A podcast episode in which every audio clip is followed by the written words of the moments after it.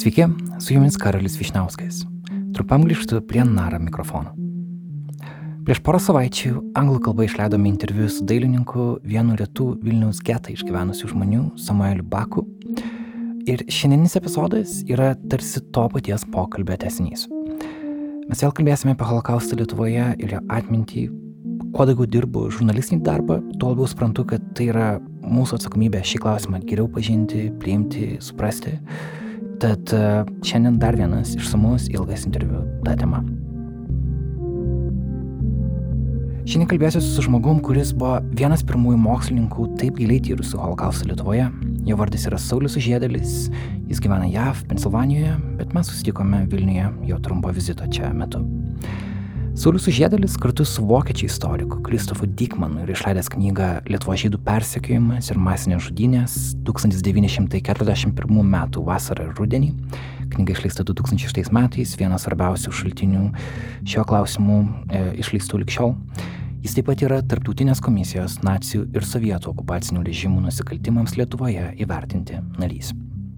Saulis Užėdelis taip pat yra Millersville universiteto Pensilvanijoje profesorius ir Vytauto didžiojo universiteto garbės daktaras. Saulis Užėdelis yra vienas pirmųjų lietuvių, kuris pradėjo kelti holokausto klausimą Amerikos lietuvių bendruomenėje Tam reikėjo daug drąsos ir mes daug dėmesio skiriame kalbėtis apie tą laiką, suprasti, kaip buvo tada, ką mes išmokome, bet taip pat šnekėtis ir apie dabartį. Antrojo pokalbio dalyje kalbėjomės apie istoriko Michaelo Kaspero kritiką Jono Meko laikysenai holokausto klausimų ir taip pat kalbėjome apie Ukrainos karo kontekstą ir kodėl, nepaisant jo, Lietuvos istorijos klausimai yra svarbus, jų negalima užmiršti, galbūt ypač šiuo metu jų negalima užmiršti. Tad kviečiu nerti į šią kelionę kartu. Gero klausimo.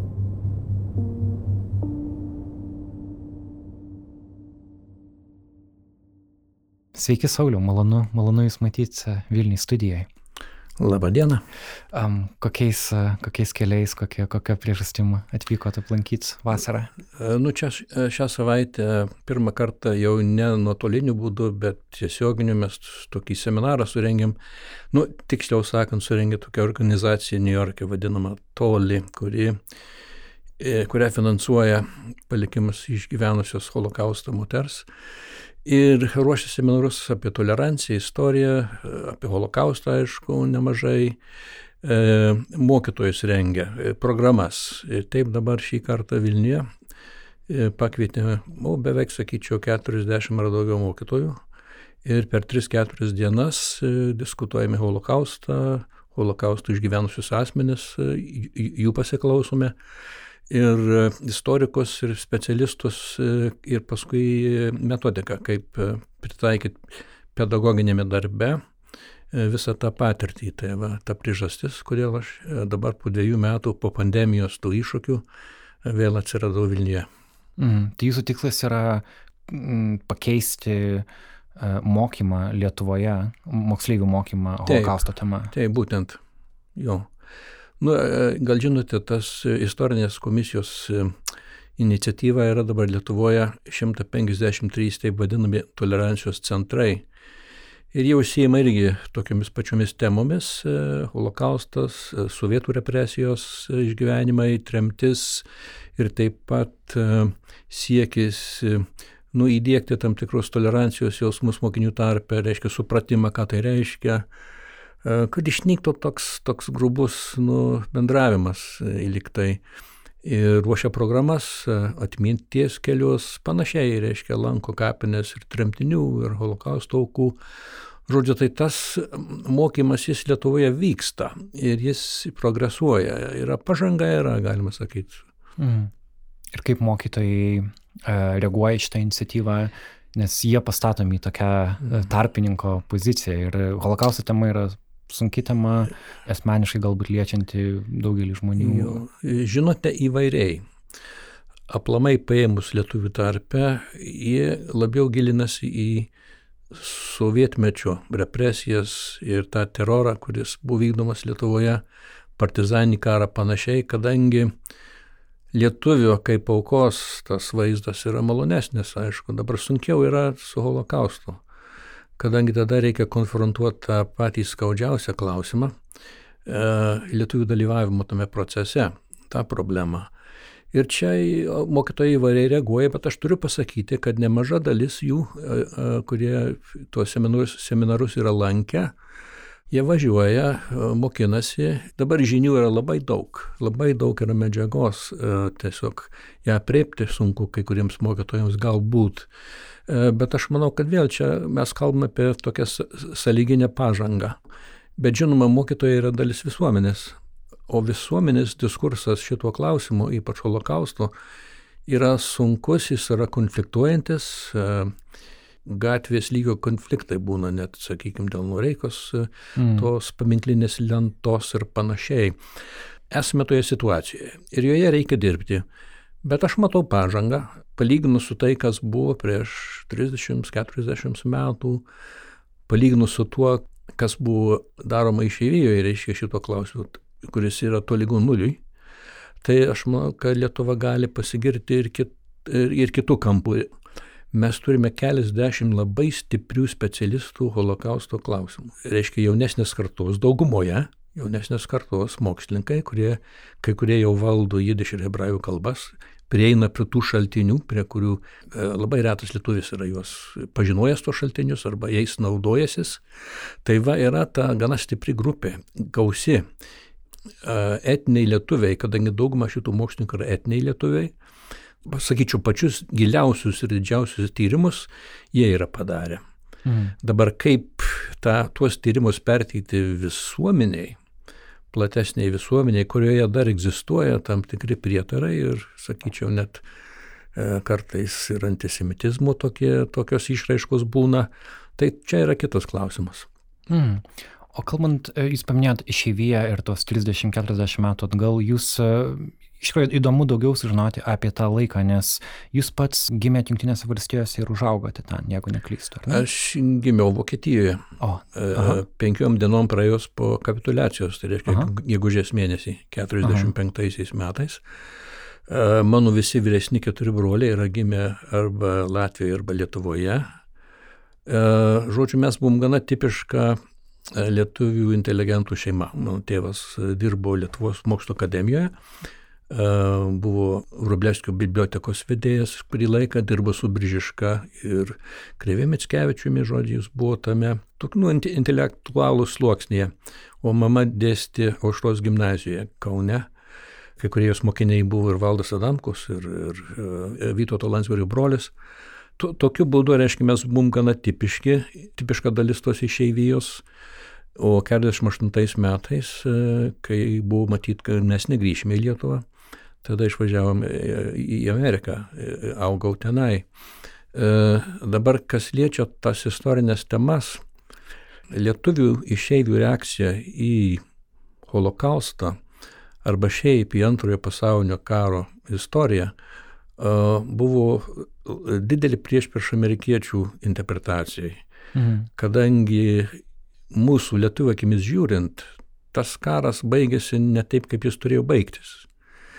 O Amerikoje tuo tarpu iki maždaug 60-mečio pradžios dar gyvavo ta iliuzija, ta fantazija apie tą didįjį alijansą, esmėje Anglija, Amerika, Sovietų sąjunga.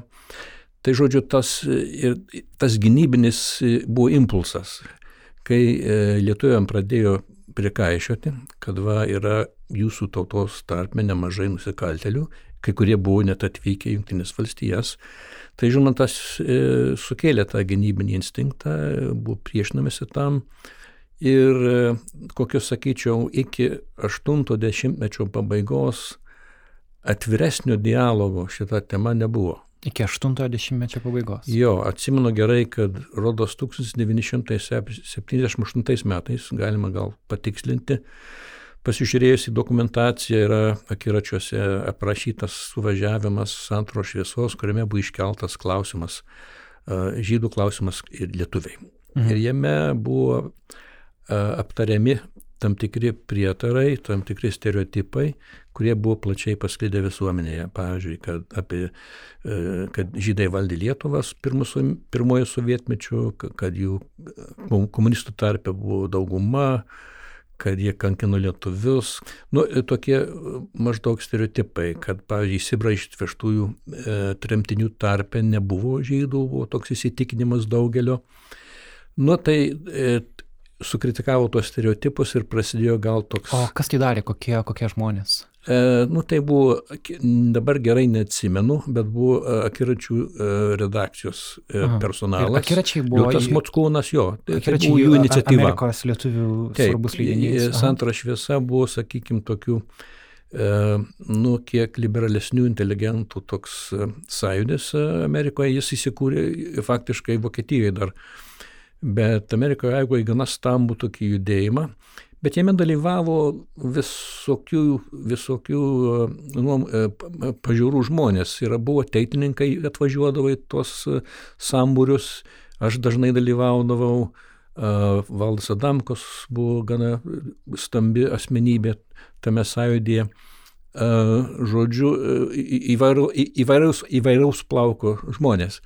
Bet jie norėjo pravesti tokį atviresnį dialogą ir iškelt tokius sunkesnius, galbūt skaudesnius klausimus, ypač iš praeities Lietuvos, kurie nebuvo skelbimi pagrindiniuose laikraščiuose ir kurie atvirai kalbant buvo nutylimi. Hmm. Ir pasakysiu apie tą nutylėjimą vieną faktą iš mano asmeninės patirties. E, vaikas buvau, mano tėvas buvo Teisininkų federacijos vadas kurį laiką e, JAV. Taigi lankiausi daugelį minėjimų įvairių, tai birželio trėmimų, vasaro 16, panašiai. Neatsimenu, kad bent vieną kartą, kalbant apie antrąjį pasaulinį karą ir nuostolius, kad būtų buvusio paminėtas holokaustas ir e, žydų genocidas. Ne vienu kartu. Tai kaip jūs apie tai sužinojote? Ar jūs prisimenat, kada pats, galbūt skaitydamas amerikietišką literatūrą, gal kažkas jums papasakojo, vis, kada suprato, kad, ei, kažko, kažko man nepasakė?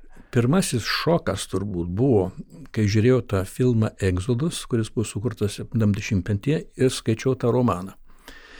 Rodos Leonis Ūris buvo tada buvo autorius. Jame buvo aprašyti lietuviai, kurie dalyvavo Vilniuje žydų naikinime. Ypač kraupus tokie epizodai, kaip daužė vaikučius į medžius, ten šaudė įvairiai. Man 16 mečiui buvo didžiulis, didžiulis šokas negalėjau prie to priprast, kad yra tokių lietuvių aplamai. Aš nepažinojau tokių lietuvių, e, bent savo aplinkoje. Ir nuo to pradėjau domėtis šiek tiek ir supratau po kiek laiko, ypač universitete e, studijuodamas, kad mūsų naratyvas, išeivių naratyvas, tas gynybinis naratyvas, jis nėra, jis nėra adekvatus paaiškinti tą praeitį. Nu, kalbant apie didesnės kontroversijas, aš 82 metais perėjau dirbti į JAV teisingumo departamentą. Buvo tokia įstaiga vadinama Office of uh, Special Investigations, tai yra ypatingų uh, bylų institucija. Ypatingų, ypa, ypatingų bylų įstaiga. Ir jie tyrinėjo uh, imigrantus, kurie atvažiavo į Ameriką po antrojo pasaulinio karo ir neatskleidė savo praeities tikslių faktų ir buvo tarnavę arba vokiečių administracijoje, vokiečių okupacinėje administracijoje, arba net tose policiniuose batalionuose. Ir žinoma, tas, e, to, tie tyrimai, kurie išėjo į spaudą, e, nukentėjo labiausiai ukrainiečių ir lietuvių reputacija sukėlė labai didelį e, lietuvių tarpę sumaištį ir e, pasipriešinimą. O kas ten tiksliau buvo paminėta? Tai čia buvo nuo 82 iki aš, aš išėjau iš to darbo 87 metais iš dalies protestuodamas prieš Karlo Lineso deportaciją į Estiją, sovietų okupuotą Estiją, kai jis buvo buvo surasta, kad jis buvo ten konslagerio viršininku e, vokiečių pačios metais ir žodžiu prisidėjo e, E, tuo prie žydų persekiojimo. Tai e, tokių žmonių lietuvių tarpe buvo atrasta, nu, keliasdešimt. E, tik, tikriausiai buvo jų daugiau. Mes, aš pats esu asmeniškai susidūręs su kai kuriais policinių batalionų nariais, kurie man gana bent vienu atveju, bent vienu atvirai prisipažino, kad jie dalyvavo žydų šaudime. Mhm. Ir tada jie vyko į, į Ameriką, valstijas, jo, čia, tarsi kaip jau čia karo pabėgėliai. Taip, taip, Aha. čia buvo vienas toks čikagiškis, uh, pavardės aš neminėsiu, bet uh, tiesiog uh, keturių akių pokalbis. Aha. taip netikėtai išėjo tas faktas, kad aš iš karto atpažinau, kuriame, kuriame dalinyje jis, jis būtų buvęs e, nariu, kur dalyvavęs. Ir tada tame pokalbėje buvo atskleistas tas faktas. Ir jis buvo deportuotas atgal į Sovietų sąjungą? Ne, jo byla neiškilo. Jis Ai. mirė prieš, e, Ai. prieš teismą, dar Aha. nebuvo iškelta jam byla praktiškai. Mm. E, pasakysiu taip pat kitą faktą, čia nėra reikalo per daug e, slėpti to fakto. Buvo Čikagoje, o netoli Čikagos gyveno net vienas ypatingųjų būrio narys. Hmm. Tai čia tas pasižymėjęs būrys, kuris Vilniuje prie panerių iššaudė dešimtis tūkstančių žmonių. Um, jis to fakto, kad jis buvo tame dalinė, jo neslėpė, nors kalbėti apie detalės jis nekalbėjo. Bet aš iš dokumentų žinojau, kad jis buvo, buvo to dalino narys, jis įmiręs jau senai. Um, tai žodžiu, tie faktai, žinoma, buvo skaudus ir nemalonus ir išeivijoje iškilo, reiškia, tokia, tokia mintis, kad aš čia esu ko neišdavikas. Mm. Padedu KGB persikioti ir skriausti lietuvius ir panašiai. O kokia jūsų motivacija buvo, kaip jūs, kaip jūs savo darbą matėt? Tame darbe aš labai daug sužinojau apie holokaustą ir apie kas vyko Lietuvoje vokiečių okupacijos metais.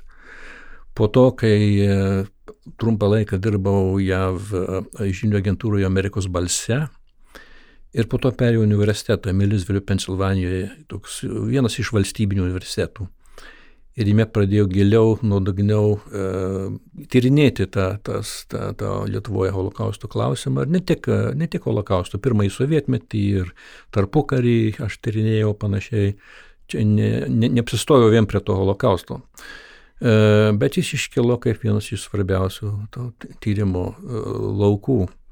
Man, e, aš dabar, kai žiūriu į, atgal į, į savo tą darbą, Aš turiu pritarti Elgimantui Kasparavičiui, istorikui, kuris yra pareiškęs, kad iš ties e, tai buvo Lietuvos didžiausia katastrofa. Nors 40-ųjų metų birželį, aišku, mes praradom valstybę, bet valstybę galima atstatyti po kiek laiko susidarius palankioms geopolitinėms sąlygoms ir tas įvyko, aišku, ačiū Dievui, prieš 30 metų, ne? O išnaikinus tą istorinę Litvakų bendruomenę, jos atkurti, aišku, yra neįmanoma. Ir todėl mes turim pripažinti tą faktą. Dabar aš esu pats patyręs, kad jei aš pradedu paskaitą tokiu faktu arba tą paminiu viešai, kokioje nors didesnė, kokioje nors didesnėje auditorijoje, tai iš karto kartais kyla tam tikras susierzinimas. Aš tą suprantu, tai yra tokia žmogiška prigimtis niekas iš mūsų nenori, reiškia, savo lizdo teršti. Kartais yra toks įsireiškimas, o aš manau, kad vis dėlto skaidrumas yra pats svarbiausias dalykas, ypač istorijos e, e, baruose, istorijos studijų. E, reiškia, baruose yra labai, labai svarbu išlaikyti tą skaidrumą, atvirumą ir nebijoti tų faktų, kurie dėja kartais mes nenorim jų pripažinti ir suprantu kodėl. Mm. Taigi bandau viską ramiai, be emocijų, bet žinote, e, neišvengiamai kartais, kartais kyla emocijos ir e, aiškintis ir pravesti dialogą šito klausimu yra nelengva. Mm. Mm. O jeigu bandai suprasti tą, pavadinkime, kitos pusės argumentaciją, nėra taip, kad jie neiktų, kad holokaustas apskritai įvyko, nes tai na, niekaip to nepaneigs, žmonių tiesiog nėra, bet klausimas yra, kas jį vykdė. Jo. Ir turbūt net ir mano kartą užaugam su tą mintim, kad vis dėlto tai atrodo buvo, buvo vokiečių okupacijos metai ir tai buvo nacijų darbas, į kurį prisijungė maža dalis lietuvių kuriuos mes tarsi nurašom kaip tokius, na, vos net ne, nevertus lietuvių vardo. Ir taip, tai yra tragiška, ką jie padarė, bet maždaug mes tai žmonėm neturim nieko bendro. Tuo tarpu atrodo, kas, ką, kas paskui išaiškėjo iš istorijos, kad, kad tarp tų žmonių, kurie kolaboravo, buvo įvairiausių žmonių ir, ir įtakingų visuomeniai žmonių. Ir e, tai suprantu, kad čia, čia tas, e, toks poslinkis, kuris įvyko? Gal, gal kažkaip kažką dar praleidžiu šitoje analizėje? Ne, jūs teisus. E, holokausto neigimo kaip po tokio Lietuvoje nėra ir negali būti. Taip kaip vakaruose, kur neigia, kad ten buvo Aušvico kokio dujų kameros, panašiai, netokio dalyko nėra. Yra tik tai toks gana ribotas, nu, e, ne, nesakyčiau ribotas, gal geriau įsireiškiu šitaip, e, įsitikinimas, kad e, tautų atplaišos saujelė lietuvių, o gal kartais ir nelietuvių, visokių lenkų, ten rusų tautybės žmonių nežymus procentas dalyvavo šitame šaudime, kad buvo net e, vokiečiai, e, vokiečiai apsirengę lietuvių uniformomis, kas mm. nėra nesąmonė e, ir panašiai, bet iš tikrųjų kaip pasakė istorikas Alfonsas Eidintas, vienas iš pirmųjų tyrinėtojų Lietuvoje, kuris atskleidė holokausto mastą ir atvirai konfrontavo tą lietuvių dalyvavimo problemą, buvo struktūros. Apskričių viršininkai, E, miestų merai, e, savivaldybės, e, vietinės policijos nuovados ir panašiai. Taigi tame procese dalyvavo įvairūs žmonės, įvairių sluoksnių, net inteligentai, kartais mokytojai.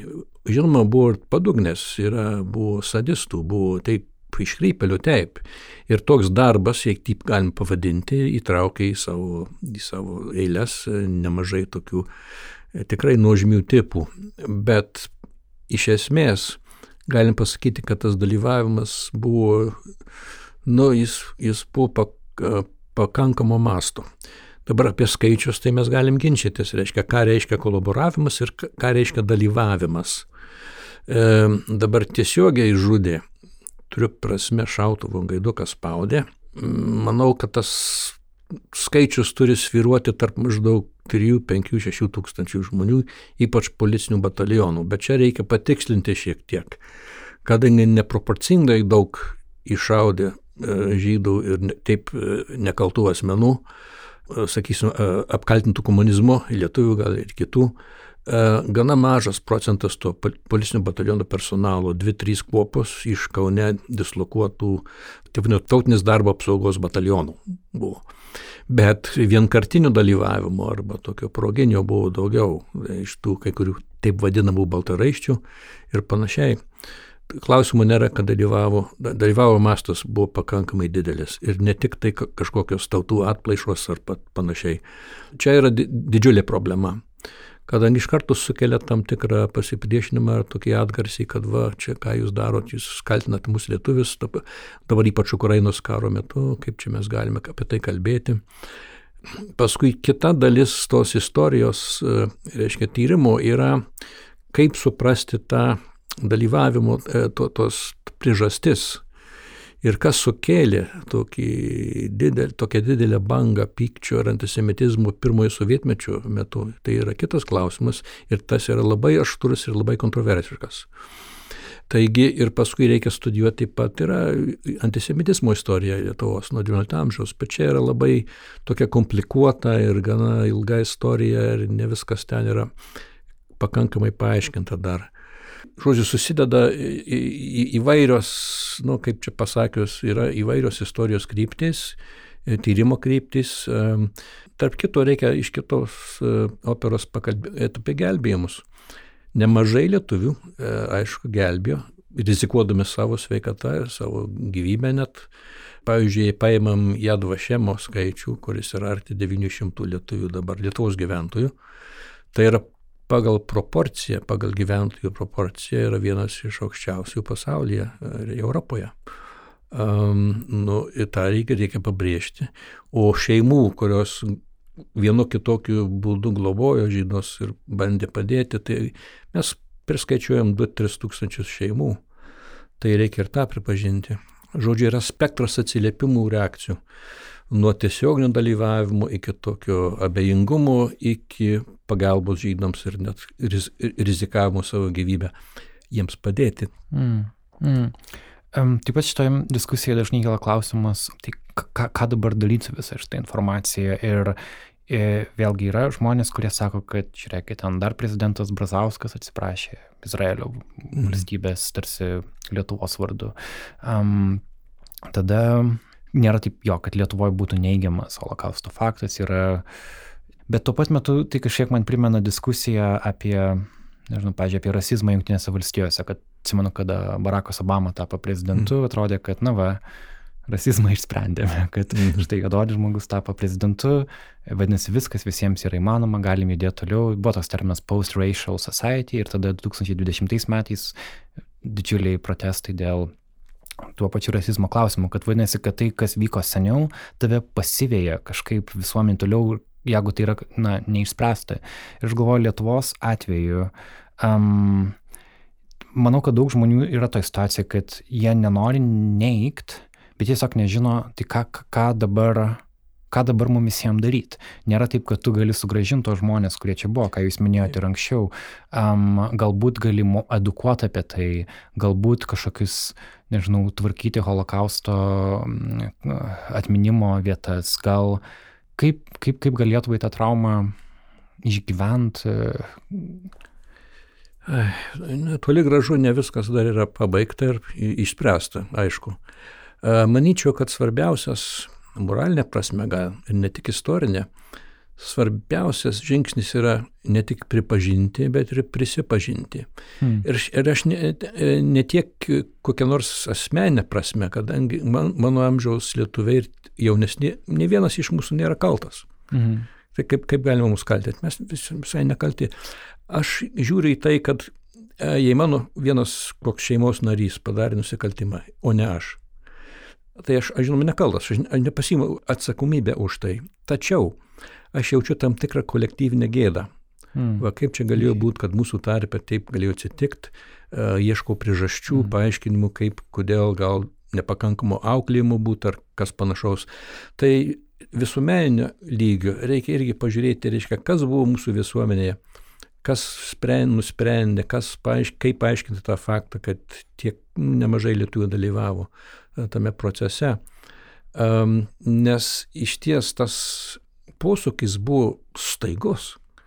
Jeigu paimsime e, Smetonos režimą, taip, buvo diktatūra, tai buvo e, politinė prasme autoritarinis valdymas, bet turiu pasakyti, kad pats Smetona ir jo aplinka buvo gana dideli tolerantai, kas lieti tautinės mažumas. Pasvarstykime šitą klausimą, reiškia Lietuva nepriklausoma, tarpukario nepriklausoma Lietuva finansavo žydų švietimą. Finansavo. O kai užėjo sovietai, jie tą finansavimą nutraukė. Tai kas dabar didesnis antisemitas? Ar smetona, ar sovietai? Čia iškyla klausimas, kadangi stereotipas yra vakaruose, kad čia toks metona, fašistas, va, antisemitas panašiai.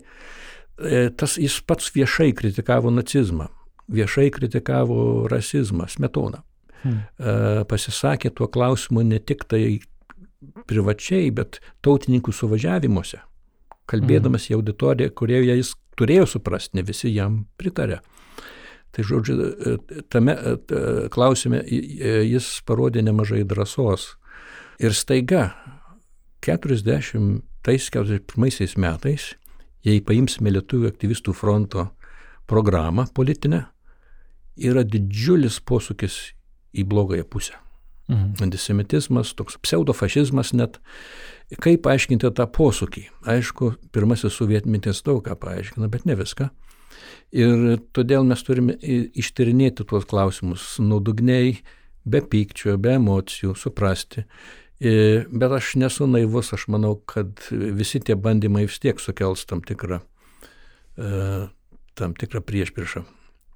Dalis žmonių eina tokiu asmeninės akistatos keliu. Čia turbūt garsiausias atvejis yra Silvijos Foti, kaip jį mhm. nagrinėjo -hmm. savo senelio e, Noreikos, vadinamo generolo Vietros istorija. Taip pat buvo viena um, Kanadoje, jei neklystu, gyvenanti autorė dabar nepamenu šią sekundę jos vardą, jos knyga vadinasi Siberian Exile, galbūt jūs pamenate. Julija Šukys. Taip, taip. Jo. Ir um, tada atrodė, kad, vat įdomu, kad žmonės, kurie fiziškai negyvena Lietuvoje, tarsi turi galbūt daugiau drąsos nerti į tą istoriją, galbūt toliau nuo visuomenės čia yra, nes ta asmeninė akistata jinai na, su, sudėtinga yra, ir, nes mūsų visų seneliai ten pragyveno tą laiką ir tu juos galbūt žinai kaip antisovietinius kovotojus ir užaugus tą mintim tarsi didžiuodamasis ir, ir jie teisingai kovoja prieš okupaciją, bet tada atrodo visą laiką dabar jau staiga ta kita mintis, ėjo gal iš tikro jis kažką darė tuo metu, apie ką tu nežinai ir tas toks atranda kažkoks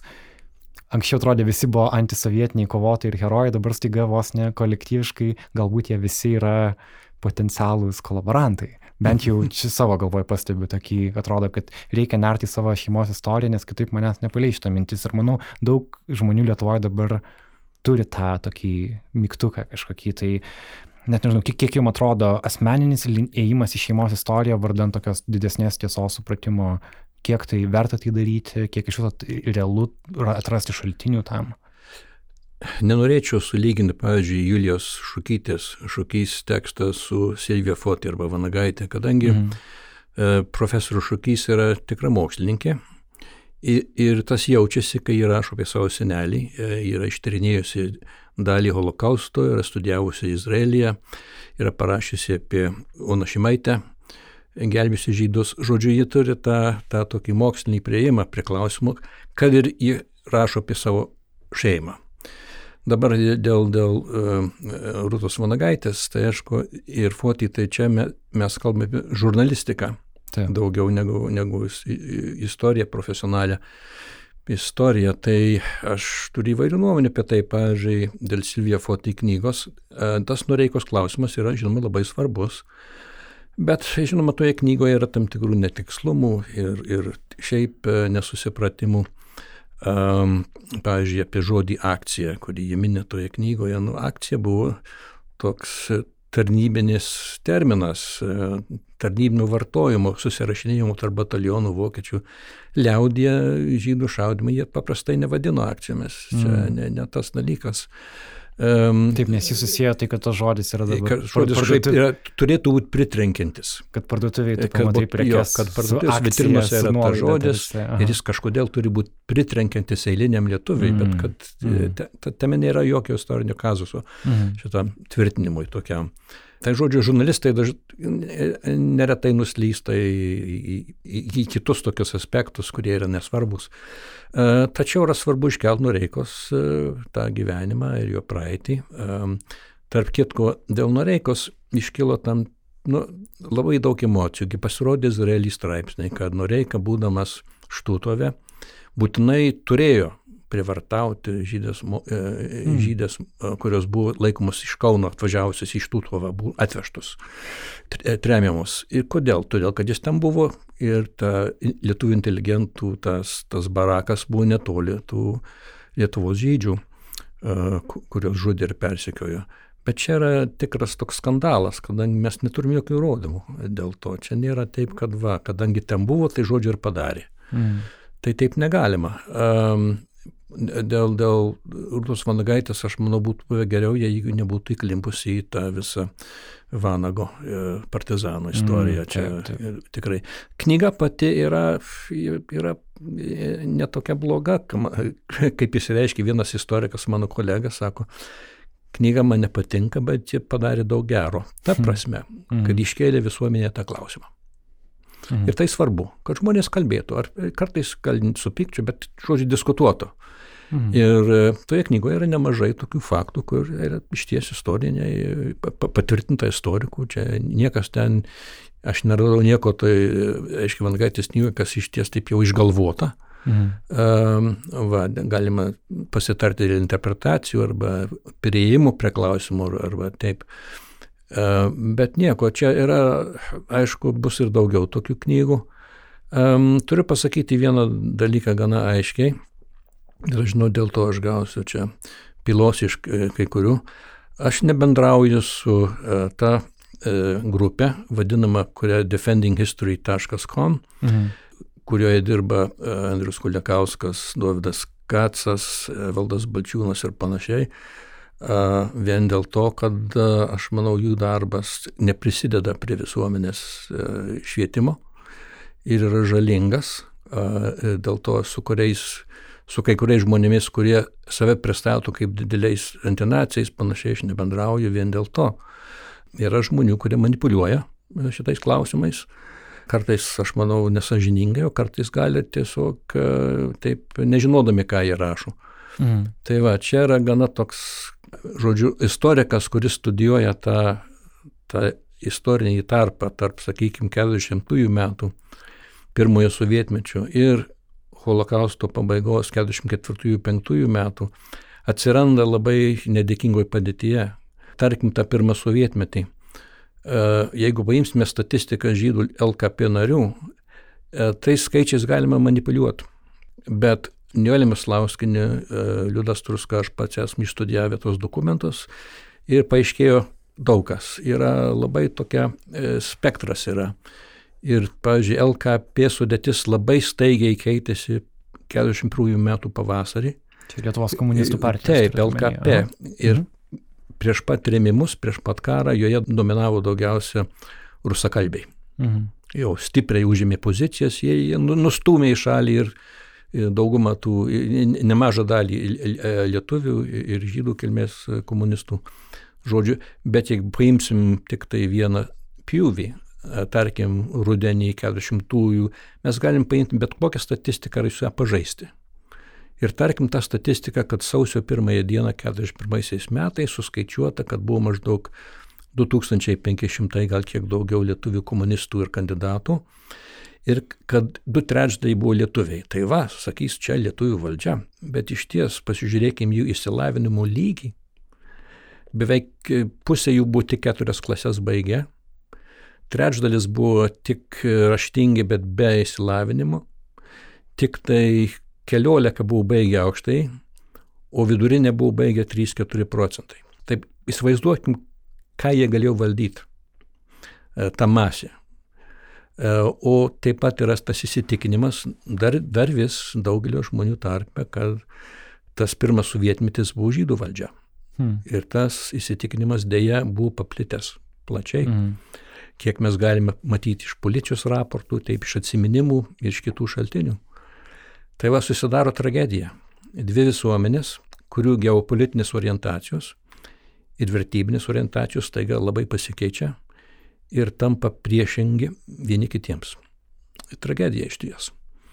Ir tai paaiškina dalį to pykčio, kuris buvo susikaupęs 41 metais, kai vokiečiai puolė e, e, Tarybų sąjungą ir kodėl žmonės sveikino tą karą, džiaugdamėsi, kad va karas, karas, o jie, va, karas prasidėjo. Džiaugiasi, sveikino vokiečius, bet reikia suprasti kontekstą. Ir reikia suprasti, kodėl, pavyzdžiui, čekų patriotai 45 metais sveikino sovietų kariuomenę, kurie įžengė į Prahą. Nemėti gėlės Stalinui, jie mėti gėlės išgelbėtojams, išvaduotojams, reiškia.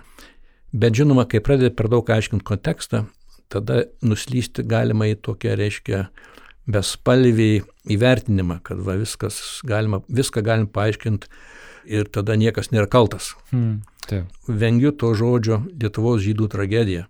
Mhm. Todėl, kad tragedija gali būti ir stikinis atvejis - uraganas, žemės drebėjimas, panašiai. O čia buvo nusikaltimas. Mhm. Tai buvo iš anksto planuotas, suderintas, įvykdytas nusikaltimas. Ne tik tai tragedija. Ir kadangi nusikaltimas, tos istorijos rašymas, įvertinimas ir aplamai tyrimas yra susijęs su moralinė problema. Kaip tai paaiškinti? E, priežastis nenuslystant į tai, kad viską galima pateisinti. Ir gal galėčiau pridurti vieną paskutinį tokį, e, e, tokią mintį, paskutinę, kai kalbame apie Joną Noreiką. Iš ties jis kovojo kaip partizanas už Lietuvą, žuvo didvyriškai. Ir todėl daugelis esą dabar aiškina, kad dabar negalima jo praeities taip vertinti vienareišmiškai, bet aš pasakyčiau šiek tiek kitaip. Apskrities viršininko įsakymas nusavinti žydų turtą, getoizuoti tą visuomenę, buvo dalis to žudimo proceso.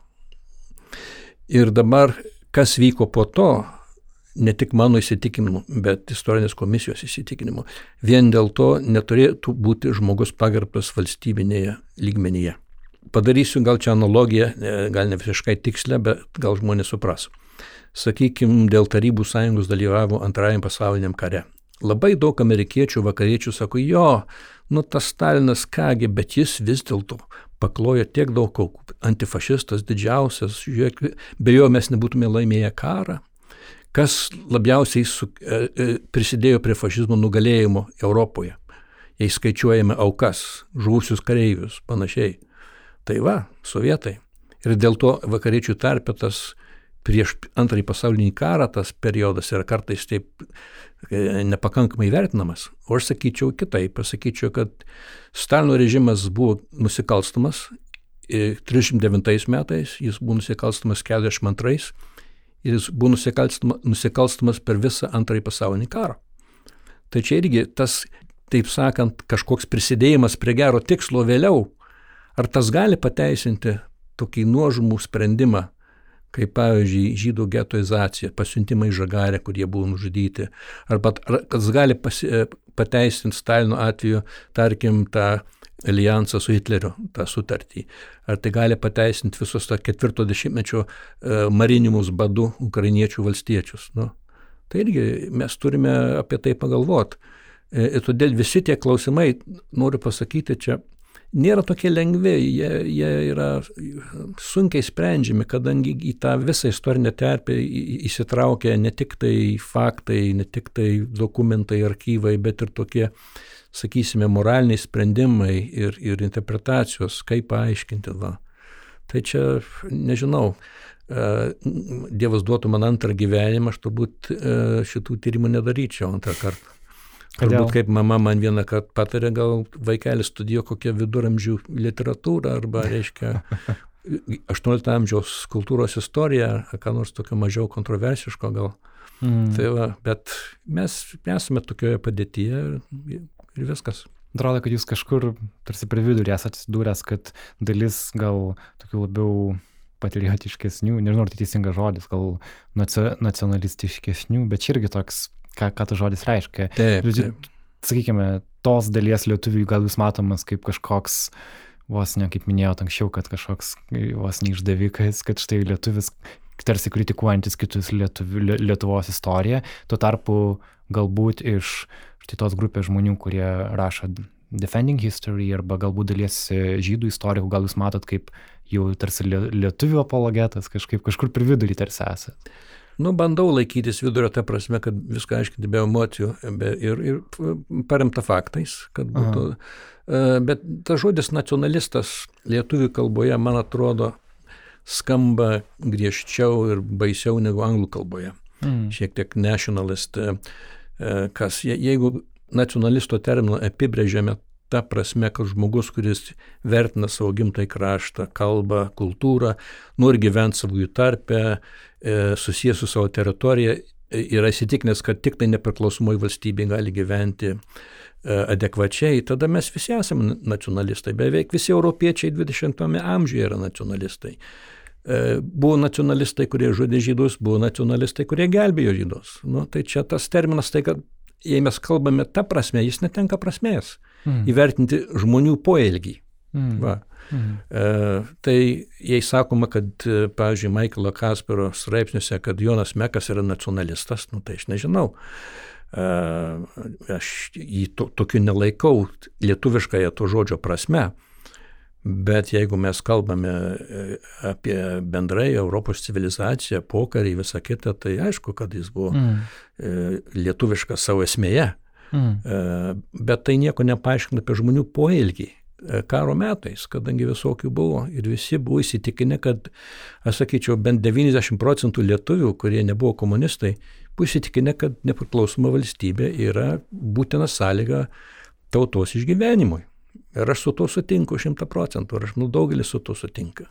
Mhm. Kovoti dėl nepriklausomybės yra, reiškia, ne tik tai E, galima, bet yra galbūt net ir pareiga visų lietuvių. Tas vis, viskas yra paaiškinama, tai aš nemėgstu tokių, tokių terminų, pavyzdžiui, nacionalizmas. Tai reikia paaiškinti, kas jis yra. Mhm. Dabar yra, žinoma, e, tas toks etnonacionalizmas, kuris atėjo iš tokių jaunų, tai sakysim, Viktoro Orbano, tai čia jau, jau visai kitas gyvulys, jau mes kalbam ne apie, mes kalbam tokį netolerantišką, reiškia, savęs iškelimą, kitų niekinimą, tai čia jau kita kalba. Mm. Bet yra nacionalistų, kurie yra buvę dideli tolerantai ir aš nematau jame jokių problemos, tame nematau. Reiškia, kai žmogus gali būti nacionalistas ir tuo pačiu kosmopolitas. Reiškia, atviras kitom, e, kitom kultūrom, e, kuris neneigia kito didžiąją raidę K, ką kito reiškia reikšmės, kuris yra empatiškas arba e, kitų atžvilgių panašiai, tuo pačiu gali būti savo krašto patriotu. Aš manau, kad čia yra kažkoks nesuspratimas kitaip paaiškinti tą. tą jo, čia turbūt į kokį kontekstą tie žodžiai įdedami, pavyzdžiui, vat paminė žodį patriotas, jis irgi gali turėti labai įvairių reikšmių ir um, atsimenu, kai skaičiau uh, Timothy Snyderio buvo knyga apie tokią demokratijos išsaugomą ir jis tarsi ten surašė tokias, tokį kaip gidą, ką, ką reikėtų daryti, norint išsaugoti demokratiją ir jis ten viena iš jo taisyklių buvo be a patriot, maždaug būk patriotu, tarsi kad ta prasme, kad, nu, kad tau rūpi, kad tarsi patriotizmas sulyginamas, kad tau rūpi šitą visuomenę, kurioje tu jo. gyveni. Ir aš, pavyzdžiui, man rūpi Lietuva, bet pasakyti, kad aš esu nacionalistas Lietuva, atrodo, kad tada aš padedu save į, į grupę žmonių, su kuriais gal aš visai kitokią viziją, kokia ta Lietuva turėtų būti.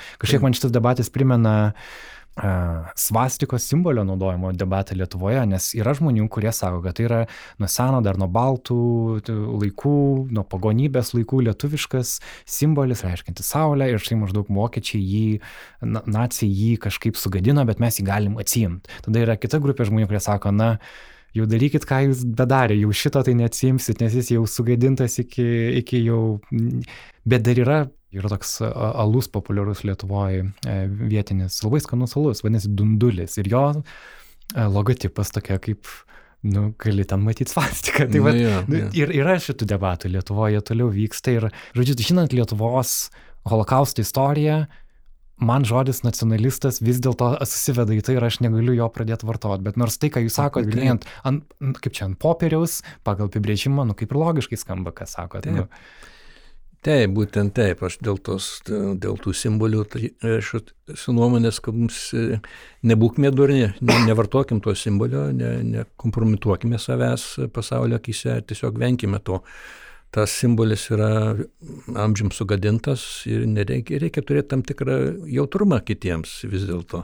Mm. Ir atsižvelgti į tai, kaip jų reakcija turi būti. Kaip, pavyzdžiui, Amerikoje dabar keičia kai kurios pavadinimus beisbolo komandų, Pavyzdžiui, Indians arba Redskins, raudonskūriai, buvo tokia komanda Vašingtone, labai populiari. Mhm. Atsižvelgti į tai, kaip reaguoja tie, e, e, tie, kuriems tas terminas yra uždedamas. Mhm.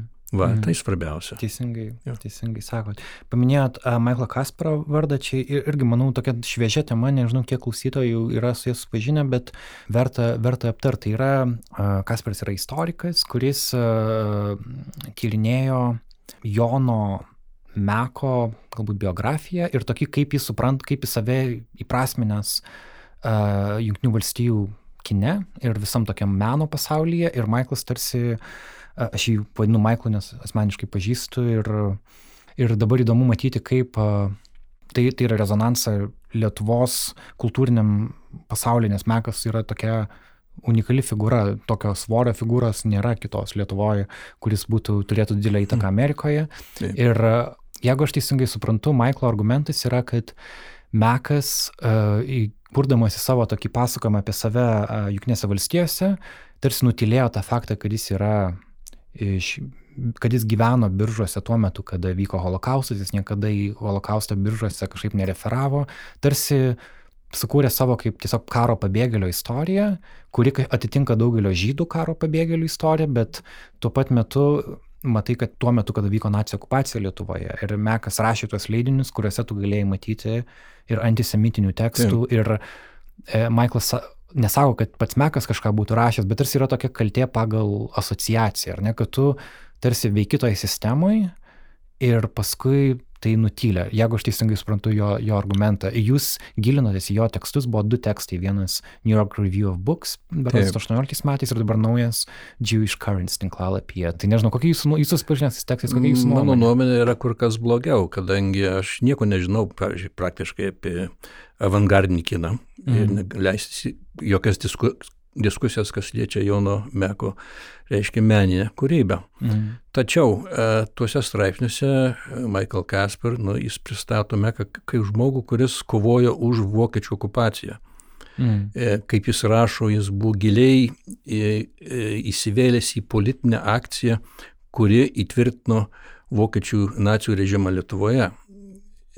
Tas yra tiesiog netiesa kadangi aš išstudijavau, reiškia, du laikraščius, naujasios biržų žinias, kuriuose jis dirbo ir taip pat e, Panevižio apygardos balsą. E, sumedžioju visus tuos meko straipsnius, beveik visus, manyčiau, ir e, jame neradau nieko, kas būtų tokio antisemitiško kita. Taip, jis dalyvavo tokiam šešetukė, kuri 40 metų rudenį platino tokius antisovietinius lapelius. Juos nuplėšė iš karto policija beveik po poros valandų. Ir jie patys savo atsiminimuose vėliau tą šešituką taip, na, čia kvailų gimnazistų toks darbelis, čia nieko tokio. E, tiesa, tame šešituke buvo žmonių, kurie rašė tikrai stiprius antisemitinius tekstus ir juos skelbė tame pačiame laikraštyje, kurie buvo ir Meko eilėraščiai. E, bet aš skaityčiau, kad faktas, kad Mekas ne vienu žodžiu neužsiminė apie, apie žydus, net ir apie komunistus mažai išnekėjo. E, ta kūryba, visi tie eilėraščiai yra maždaug tokie lyriniai, lyrika tokia jo.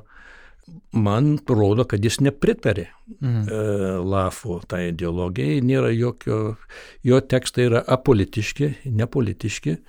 Ir kas dar svarbiau, jisai rašė tokius kultūrinius straipsnius, sakysim, rašė apie Kazį Benkį, kuris buvo labai populiarus. Kazys Binkis yra pasaulio teisuolis. Nu va. E, tai va tas nacionalistas Mekas rašo apie pasaulio teisuolį, išgeria e, nu, leftistinių pažiūrų, reiškia intelektualą, keturių vėjų pradininką vieną, kiek suprantu, Kazys Binkis buvo. Tai va, rašė apie Martiną Yčą, rašė apie Joną Šliupą, mūsų didį laisvamanį ateistą tie tekstai yra išties tokie beveik, sakyčiau, jie nėra, jie nėra antinaciški, bet jie iškelia visai kitą e, lietuvių kultūros puslapį skaitytojai. Mhm. Dabar tiesa, tuose laikraščiuose pirmam, pirmose puslapiuose buvo stiprus antisemitiniai straipsniai, kad čia žydų karas, antras pasaulinis karas, žydų karas ir panašiai. E, bet čia ne Jono Meko kūryba, jis nėra įvardintas kaip e, redakcijos narys, jis paskui pasigyrė, reiškia savo interviu, kad va, aš buvau redaktorius, bet žmogus buvo menininkas, jis kartais e, nusišnekėdavo, gal aš taip grubiai pasakyčiau, bet tai nėra didžiulė nuodėmė. Tuo tarpu kitas pjūvis Kasparo, ypač antrojo straipsnio, kurį jis paskelbė šį pavasarį, yra tai, kad va, lietuviai aplamai e, nepripažįsta holokausto, kad jų tarpe, pavyzdžiui, sakysim, pats Kazitskas, kadangi Ambrazevičius buvo jo krikšto tėvas ar kažkas panašaus, dabar neatsimenu, kad va, tai yra įrodymas ir kad, e, pavyzdžiui, e, tas pats Kazitskas dirbo Vilniaus e, e miesto e, struktūroje, nežinau, kur jis dirbo, ką, kaip 20 metais, jam negali būti daugiau negu 24-5 metų, tai kažkoks įrodymas, kad kažką. E, nu tai aš manau, kad tai yra e, tiesiog e, kaltė pagal asociaciją. Antras dalykas, kas e, jis pradėjo ten tam antrajame, ne tik pradėjo, bet išsireiškė per revizionizmą, kad Lietuvoje yra valstybinės institucijos kaip e, komisija, kurioje aš dirbu, kurie sulygina nacizmą ir ir, ir stalinizmą, nu, komunizmą. Ir aš manau, tai yra grubi netiesa, kadangi vis dėlto e, ir kad tai yra kažkas baisaus, yra tai yra tokia nuomonė, kad jokių būdų negalima nacizmą lyginti su stalinistiniu totalitarizmu. Bet yra eilė mokslininkų, yra Timothy Snyder, yra toks Robert Gelatalai, yra kiti, kurie yra išstudijavę ir rašė tokią palyginamąją istoriją, e, lygindami tas dvi struktūras. Dabar net Lietuvos valstybė komisijos lygmenyje pripažįsta, kad holokaustas yra išskirtinas atvejis. Tačiau nepripažinti, kad tarp dviejų sistemų buvo panašumų, tai yra neįmanoma. Yra vienpartinė struktūra, e, charizma vado Stalino Hitlerio. Bet svarbiausia, svarbiausias panašumas tų dviejų struktūrų yra tai, kad jie pripažįsta teisę masiškai žudyti jeigu e, tai priveda prie jų utopijos įvykdymo arba e, viena buvo rasistinė utopija Hitlerio, kita buvo kitokio tipo stalinistinė utopija. Ir kad priešas, kolektyvinis priešas, kuris yra kliūtis tai utopijai, turi žūti. Mašinis žudynės gali būti pateisinamos politinė prasme. Ir šaknis to įsitikinimo jas gali atsekti iki Prancūzijos revoliucijos kai buvo pateisintos žudynės, reiškia, per terorą.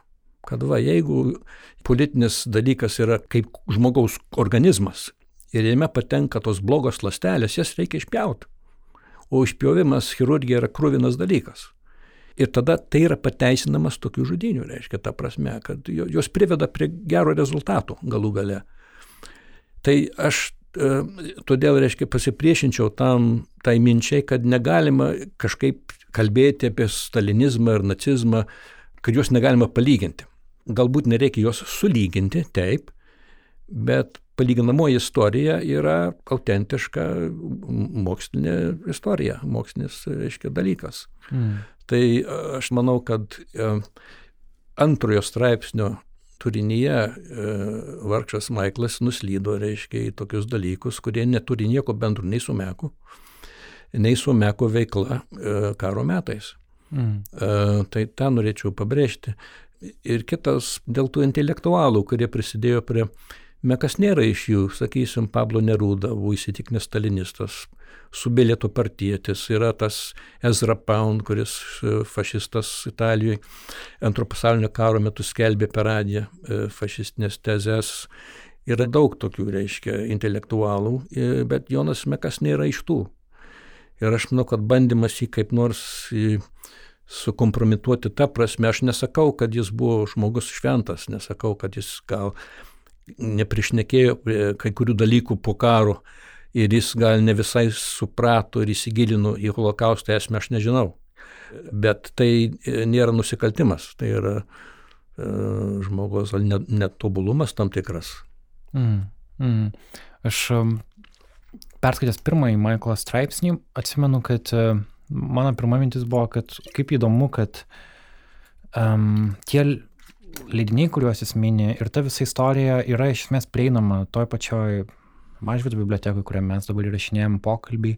Um, bet, pavyzdžiui, kai aš dariau interviu savo su Meku, man net nebuvo tokios minties, apskritai gilintis tą laikotarpį ir tada supratau, kad uh, tai, kad buvo nacijų laikotarpis Lietuvoje ir, ir holokaustas jo metu ir kad žmonės buvo, kurie gyveno tuo metu, nebūtinai jie mm. kažka, kažką darė tiesiogiai su to susijusi, bet kad jie tiesiog gyveno ir kad tai juos kažkaip vis tiek turėjo paliesti, kad man net nekilo mintis apie tai pasidomėti, kažkaip įrodė, kad, kad, kad tai nėra kažkokie kolektyviniai gal sąmonė, kurį mes užaugom ir kad štai reikėjo žmogaus, kuris yra mm, susidomėjęs lietuvių kultūra tarsi iš iš šono, kad jam tas klausimas svarbesnis negu man užaugus Lietuvoje, nes aš tik tada suvedžiau galus, kad aha, tikrai, juk čia yra tie patys biržai, tie patys metai ir Mekas tada buvo jaunas, jaunas žmogus ir tiesiog, kad tai buvo geografiškai tiesiog ten pat ir laikotarpiu taip pat.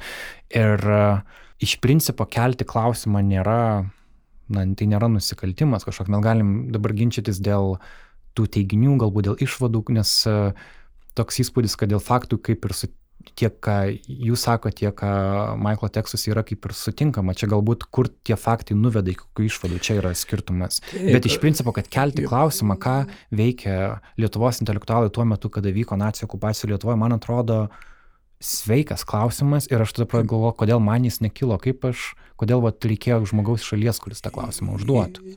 Yra teisinga, kad lietuviuose nekyla, didelio klausimo dėl vokiečių okupacijos, grubiai pasakius. Lietuviams, etiniams lietuviams, vokiečių okupacija buvo žymiai lengvesnė negu sovietų. Ta. Ir žymiai lengvesnė negu nacių okupacija, pavyzdžiui, kaimininėje Lenkijoje. Mm. Nes kai Kubiliūnas norėjo gazdinti lietuvius, sakydavo, va, nacijai vis tokia sistema, kokia yra Lenkijoje, visi suprato, ką tai reiškia. Žuvusių etinių lietuvių vokiečių okupacijos metais buvo gal mažiau negu 5000, daugumą jų mhm. apkaltintų komunizmu, ūkininkai e, nepristatė pilievų, kai kur sušaudyti, bet e, teroro mastas buvo mažas, palyginus. Tiesa, Ir dalinai dėl to e, lietuvių, reiškia, požiūris į vokiečius buvo visai skirtingas nuo žydų požiūrio. Be, be abejo, čia aš to, tą klausimą pripažįstu. Kita vertus, reikia pripažinti kitą faktą. E, Mekas 21 metų buvo amžius, kai pabėgo į vakarus. Mm. Jaunuolis. Tai žodžiu, tą reikia irgi atsižvelgti į faktą. Jis nebuvo toks kaip kai kurie mūsų intelektualai, kurie rašė e, laikraščiuose apie Mein Kampf, panašiai išdėsti mintis, aš pripažįstu, kad tai buvo klaida ir, ir daugiau negu klaida. Ir kitas dalykas, aš manau, Kasparo straipsnė, kas nėra išvelgta, jeigu mes kalbame suprasti kitą, didžiąją K raidę. Galėjo jis ir lietuvis geriau suprasti. Pavyzdžiui, tas faktas, kaip lietuviai suprato tą situaciją karo pabaigoje. Vienintelė alternatyva, iliuzija, galim pasakyti, kuri buvo priimtina, buvo tai, kad karas baigsis tuo, tuo pačiu būdu kaip ir pirmasis. Žlugs Rusija, o vakarų aliantai nugalės Vokietiją. Ir atsiras vėl ta terpė, kurioje galima atstatyti nepriklausomą valstybę. E, mano tėvų karta tą klausimą taip suprato. Žinoma, tai buvo iliuzija, jie, jie nesuprato nacizmo esmės, kaip genocidinės santrukos. Gerai, pripažįstu. E, tai va, ir paimkime faktą, kad dauguma etninių lietuvių, kurie žuvo 20-ame amžiuje, žuvo po 45 metų. Dauguma, daugiau negu 90 procentų drįščiau teikti. 130 tūkstančių ištremtų, maždaug 40 tūkstančių daugiau žuvusių partizaninio karo metu, e, suimtų buvo 60 tūkstančių ir daugiau, kai kurie nukankinti, kai kurie sušaudyti. Tai jeigu lietuviai žiūri į tą pokarį, tas žodis pokaris reiškia smurtą, o ne taiką. Ir tas faktas yra įsišaknyjęs mūsų tarpe. Ir todėl atsiranda tas nesusikalbėjimas dažnai vakariečių ir lietuvių, kaip mes žvelgime į antrąjį pasaulinį karą. Pavyzdžiui, žodis antifašistas. Kokius antifašistus matė mano tėvai? Įsivaizduokite. Stalinistus, nu. Aha, aha. Tai tas žodis antifašistas jiems ne iš karto sukelia kažkokią, kažkokį šiltą jausmą. Mhm. Automatiškai, kaip vakaruose. Taip, antifašistai tai labai gerai, viskas tvarkoja, reiškia, ir, ir, ir sovietai buvo antifašistai, viskas gerai. Žodžiu, reikia tą suprasti. Aš nekaltinu Kaspro dėl klausimų kelimo. Ta reikia apie tai kalbėti. Ir tikrai yra faktas, kad nepakankamai lietuvių yra jautrus tam požiūriui, ypač Lietuvos žydų požiūriui, ypač išlikusių žydų požiūriui, į tai, kas vyko. Aš tą pilnai suprantu. E, tačiau Kita vertus, e, reikia įvertinti ir tą kontekstą, kuriame gyveno tie ypač pabėgėliai tuo metu, pasitraukusieji. Tai, tai aš manau, tai yra, tai yra nemaža problema. Mm, tai atmetus, kur yra tas asociacijos momentas, kad manau pagrindinis faktas, kas prieš Meką buvo teikta ir kas yra tiesiog ant popieriaus ir spausdinta, yra tie laikraščiai, kurie ėjo vokiečių okupacijos metu Ir klausimas yra, ar tai, kad tu rašai į leidinį, kuriame tuo pat metu yra antisemitiniai tekstai, Taip. Ar, ar, ar tai yra kažkokia žala, ar, ar, ar ne? Aš, aš taip tą klausimą kelčiu. Pats Jau. Mekas savo interviu e, holokausto muziejui duos. Šitas jo ilgas šešių valandų. Ai, interviu. tas interviu su Ina Navazelkis, jūs kalbate. Taip, žinau tą interviu, esu, esu jį. Taip, ir jis tenai minėjo, ir klausytojams raginu, jeigu tikrai nori tik giliai iš tą temą įlysti, nes yra tokia tema, jau kai įlendi, tai ten ilgai jo pasilieki. Tai verta išklausyti tą interviu ir ten jisai minė, kad jis sako, niekas tų pirmųjų puslapių neskaitė, maždaug tie, kurie yra tokie valdžios tekstai ir kurie, kurie buvo ir antiseminiai tekstai, bet sako, mes nusprendėm palaikyti tą kultūrinį gyvenimą, kažkaip rašyti apie tai, kas vyksta, nes nusprendėm, kad tai yra geriau negu nespausdinti iš vis nieko. Jei gerai pamenu, Maiklo pirmame tekste buvo minėta, kad vis dėlto tie antisemitiniai leidiniai, na, jie prisidėjo prie bendros antisemitinės nuotaikos kelimo. Ir, ir tada mes galim kelti klausimą, ar bendra, nesvarbu, ar tu buvai jau ten redaktorius, ar tik tai rašiai kažką ir truputį padėjai, vis dėlto tavo vardas yra ten, kur yra ir tie tekstai. Ar už tai turėtų būti kažkokia atsakomybė ar ne? Vat aš taip turbūt kelčiau klausimą. Aš nežinau atsakymą į tokį klausimą, mat čia yra kiekvieno individuo pasirinkimas, ką mm, daryti mm, mm. tokioje, reiškia, terpėje, tokioje situacijoje. Yra labai daug tokių, nu, kontroversiškų dalykų, tokių neįmanomų. Pavyzdžiui, sovietų cenzūra buvo žymiai griežtesnė už nacijų. kas lieti literatūrinius ir kultūrinius e, dalykus.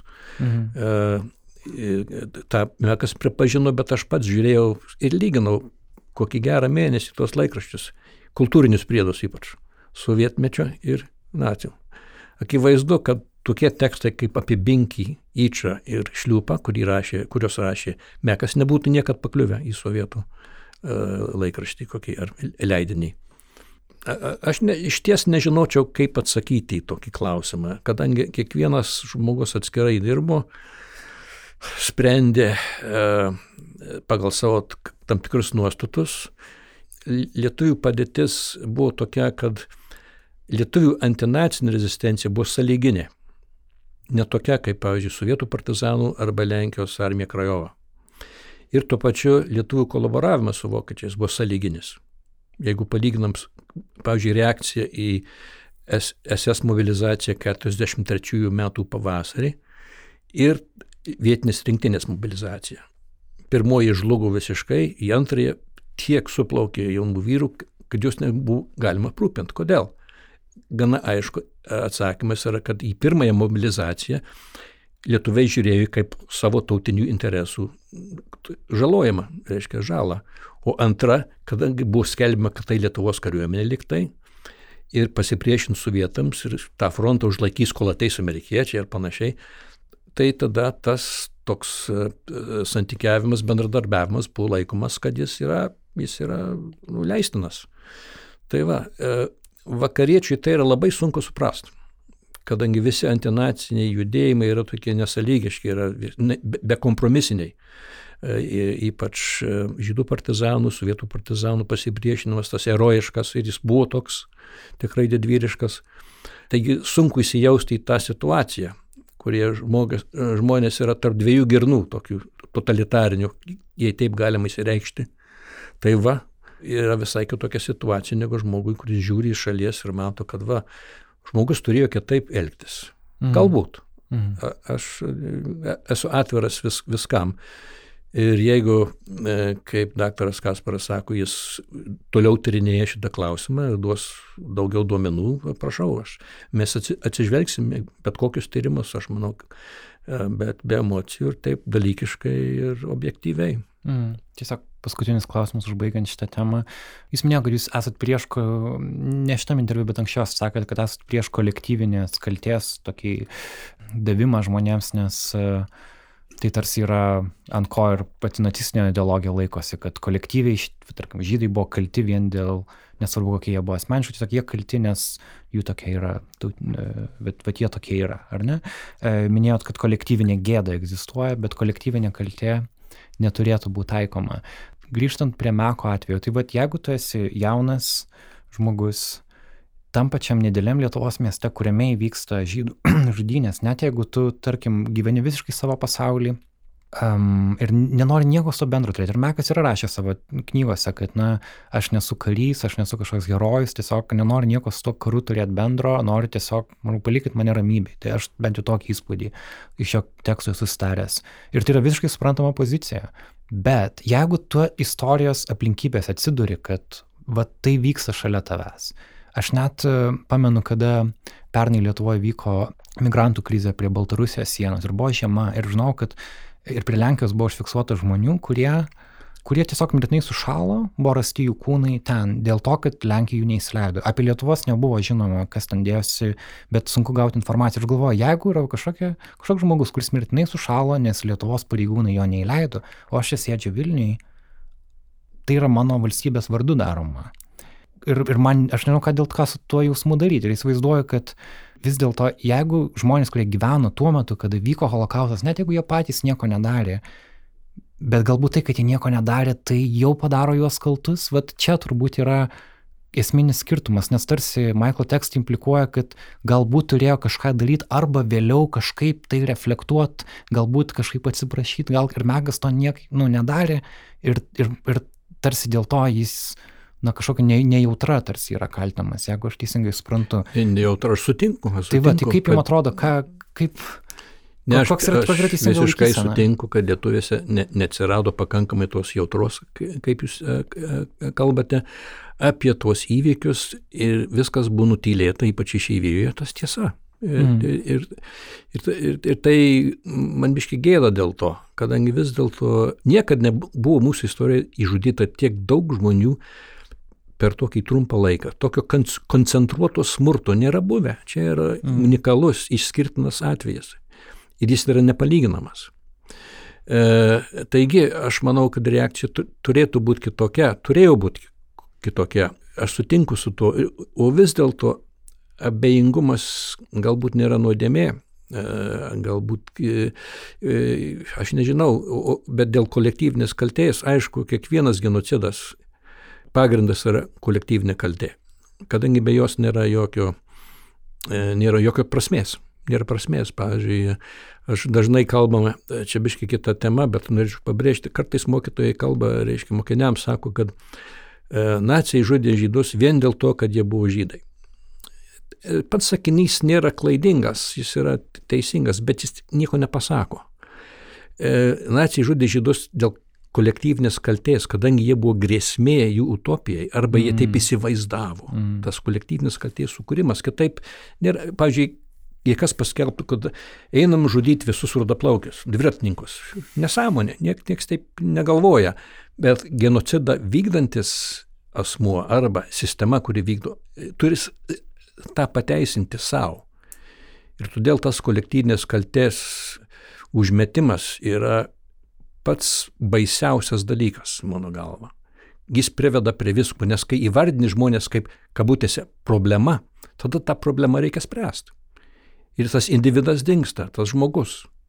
Sakyčiau, tai va čia yra. O dėl kolektyvinės kaltės, atsakomybės panašiai,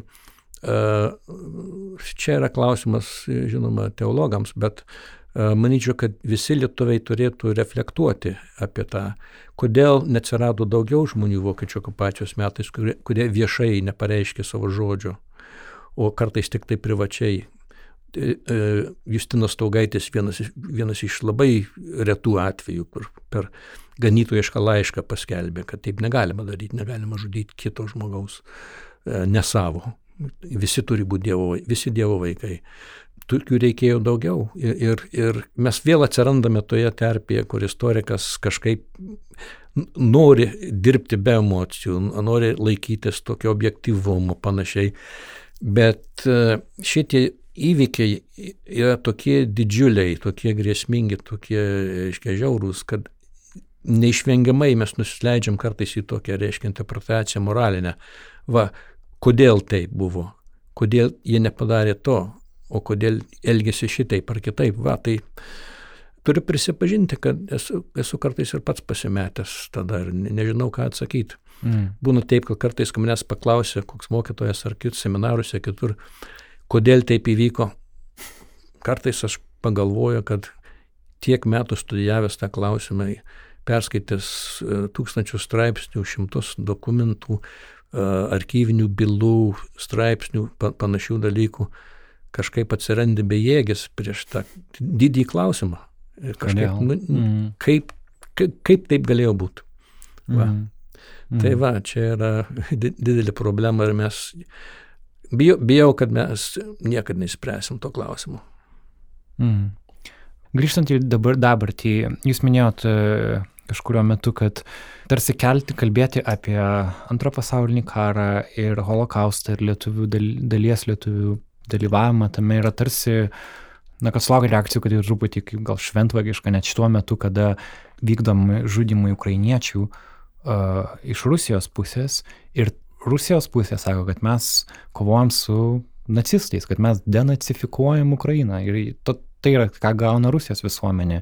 Ir tada, jeigu tu nori parodyti, kad dalis žmonių Lietuvoje buvo prielankus naciams, tu tarsi sakai, kad, na tai vad, jie, tai iš tikrųjų jie, jie kažkokie nacijų simpatikai, juos reikia denacifikuoti, na, kad tai eina, maždaug nekalbėk šitą temą, nes tai Rusijos naratyvas, bet anksčiau tai atrodė labiau teorija, dabar tai jau yra tokia praktika ir yra ta baime, kad sulik karų Ukrainoje gilinimasis į šitą laikotarpį sumažėjęs, nes tai tarsi dabar karo metu tarsi kažkaip net netiška apie tai kalbėti, bet kaip jums atrodo, ar, ar reikia apie tai kalbėti nepaisant kontekstą? Ka, ka, ne, aš manau, žinoma, kad reikia. Žinoma, kad reikia. Jeigu mes tą, tą mūsų praeitį, tą skaudžią praeitį atkreipsim dėmesį logiškai, be emocijų, dalykiškai, skaidriai, aš manau, kad tai nekenkia mums. Ir ta visa nacistinė propaganda, reiškia, kuri dabar ateina iš Maskvos, iš Putino lūpų, tai žinoma nesąmonė. E, mes tą žinome labai gerai, kadangi jie kitaip negali pateisinti to karo. Mm. E, va, tas nacizmas yra kaip toks baubas. Tai aišku, kai kurie gali, nu, e, galiu suprasti nuomonę, kai kurių, kurie gal pasakyti, nu gal kokiem penkiem metam nustokime tuos seminarus apie holokaustą Lietuvoje arba panašiai, e, panašiai ką pasakytų. Ne, aš manau, kad gyvenimas turi eiti pirmin ir logiškai ir taip kaip ir anksčiau, kiek, kiek įmanoma. Ir aš manau, mes nieko neprarandam pasaulio akise, jeigu mes pripažįstam savo istoriją tokia, kokia ji buvo. Nieko neprarandam. Mes tik tai save, mes tik geriau atrodysim. O, o kad tas faktas, kad dalis lietuvių dalyvavo žydų žudynėse per antrąjį pasaulinį karą, plačiai žinomas, niekas nenusteps dėl to, o tik pagirs, kad mes, va, žiūrėkit, mes nebijom mūsų praeities. O kai pradedat bijoti, aiškintis, ten teisintis visą kitą, tai tas labai prastai atrodo iš šalies. Grinai, grinai tokia PR prasme, pasakyčiau, tai aš e, e, ir toliau, aiškiai, savo tyrimus darysiu kitiems patarsiu dirbti. Ir tas jaunimas, apie kurį aš kalbėjau, reiškia profesionalus jaunimas, kuris užsima šitą temą, yra e, patriotiškas, labai, labai puikus kolektyvas. Aš manau, kad jie turi ir toliau dirbti Ir aš manau, tai tik tai padės, tik tai padės Lietuvos įvaizdžiui. Ačiū Jums, Sauliu, labai. Visų gerų, ačiū.